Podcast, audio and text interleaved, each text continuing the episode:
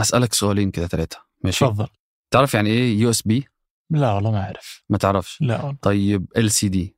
إل سي دي. آه. برضو ما أعرف. وبتستخدمهم كده وأنت ما تعرفش ال طب USB يعني؟ لا لا دقيقة. ها. هل المفروض كل شيء أستخدمه اصير أعرفه؟ الطبيعي يعني ما المفروض تقدر ما يمديك. لا تقدر. ما تقدر. ولا أنت بتستخدم كده مصطلحات من غير ما تعرف معناها؟ اختصارات يعني تعرف عليه بس طيب، على- ليش تبقى عارف الاختصارات؟ فاهم؟ يعني لما تعرف إن USB Universal Serial Bus هل عمرك كنت تتخيل إن ده معناها؟ لا والله. طب توقع LCD ممكن تكون إيه؟ ما أدري. Liquid Crystal Display أنا عندي سؤال ثاني. ها. وش اللي خلاك تبحث؟ يعني ليش تاكل فضول؟ لأن مرة تعرضت لموقف إن في كلمة كده اختصار من الاختصارات وحد سألني عليه وكان موقف محرج. ليش محرج؟ بالعكس؟ إن أنت بت- بتقول كلام أنت مش عارف معناه ولا ولا أنت عارف أنت بيرمز اليه يعني مثلا PDF تستخدمها كم مرة في اليوم؟ ال PDF طيب يلا وش معنى PDF؟ Portable Document Format الله. فتخيل انت بتستخدم كمية كلمات طول اليوم واختصارات وانت مش عارف معناها. يعطيك العافية واحتفظ اختصاراتهم لك ولا عاد الله عدل.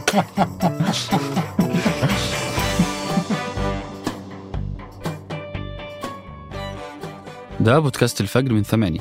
بودكاست فجر كل يوم نسرد لكم فيه سياق الأخبار اللي تهمكم. معكم أنا شهاب سمير. وأنا عبد الملك آل السيد.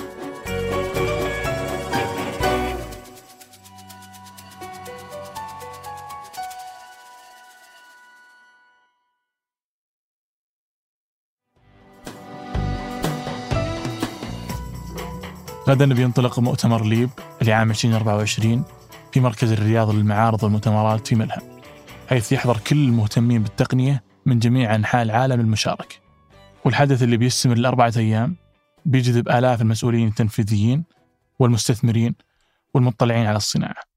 بيكون في منصة مخصصة للعرض التقديمي لأكثر من 600 شركة ناشئة و2000 عرض تقني.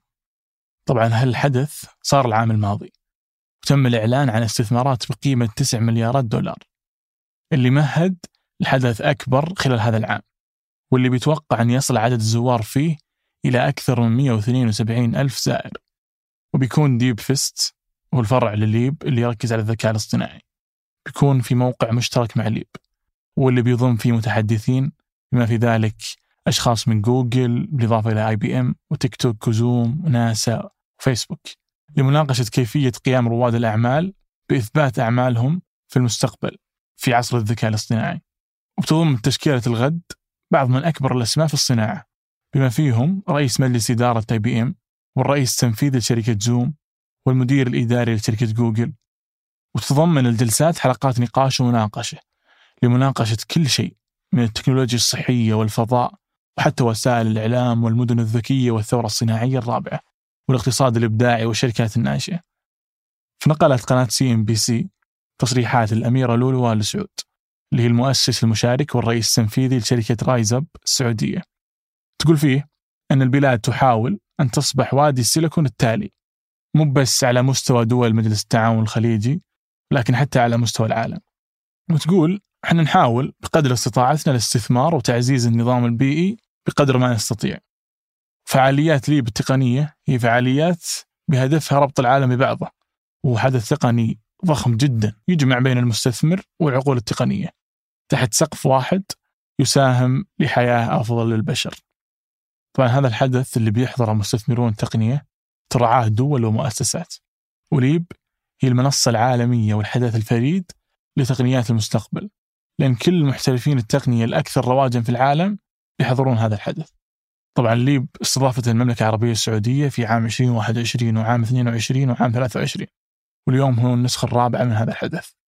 في أغسطس الماضي شفوا عن إطلاق مجموعة كبيرة مبادرات توصل قيمتها تقريبا أكثر من مليار دولار.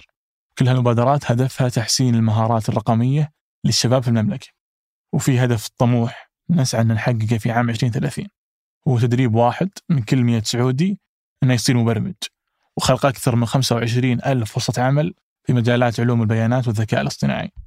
وحفل الإطلاق هو بداية تسجيل الأكاديمية أيضا لمطوري أبل وهي الأولى من نوعها في منطقة الشرق الأوسط وشمال أفريقيا واللي بتركز في مرحلتها الأولى على المبرمجين النساء.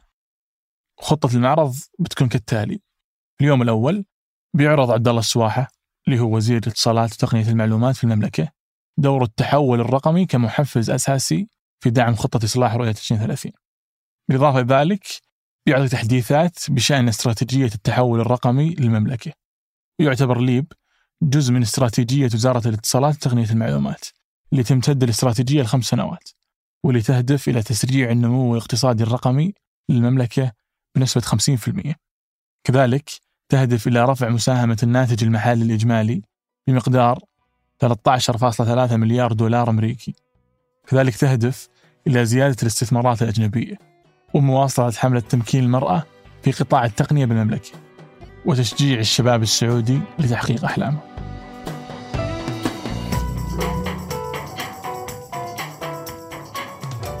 وقبل ما ننهي الحلقة دي أخبار على السريع.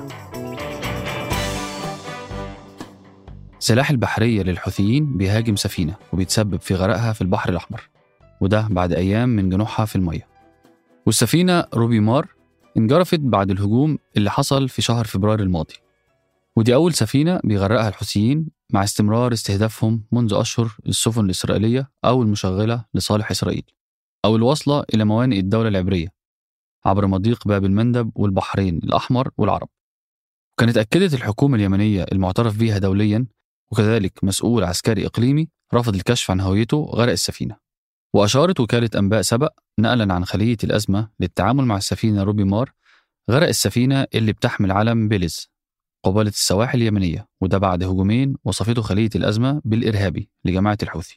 وأعربت خلية الأزمة عن أسفها لغرق السفينة بسبب الكوارث البيئية في المياه الإقليمية اليمنية والبحر الأحمر. وأكدت إن النتيجة كانت متوقعة بعد ترك السفينة لأكثر من 12 يوم. ودعت خلية الأزمة ما وصفته المجتمع الدولي اللي تحمل مسؤولياته والتعاطي بحزم مع التهديدات الإرهابية حسب زعمها والحفاظ على سلامة الملاحة العالمية على حد قول خلية الأزمة. بدءا من النهاردة بتوفر سبوتيفاي الوصول إلى الكتب الصوتية لعشاق الكتب في الولايات المتحدة 15 ساعة من الاستماع من كتالوج الكتب الصوتية واللي بيضم أكثر من 200 ألف عنوان. مقابل 9.99 دولار شهريا.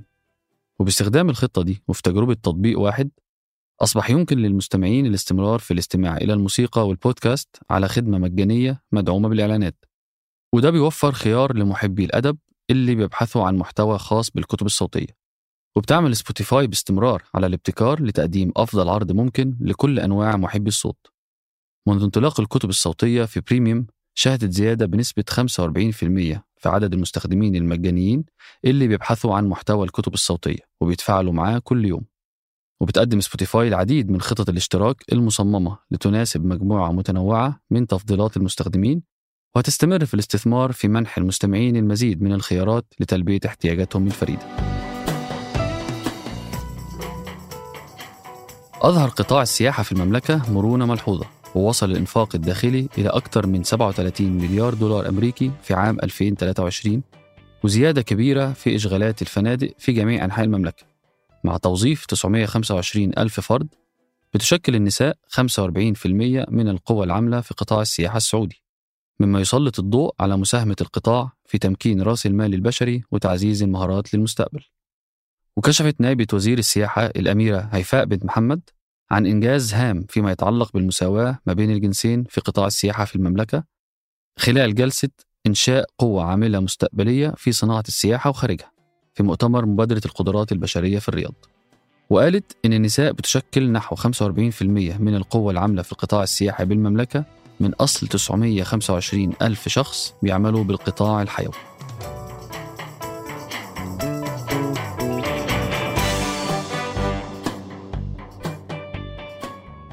أنتج هذه الحلقة حسام الخولي. قدمتها أنا عبد الملك آل السيد وأنا شهاب سمير. وحررها محمود أبو الندى. نشوفكم بكرة. فيديو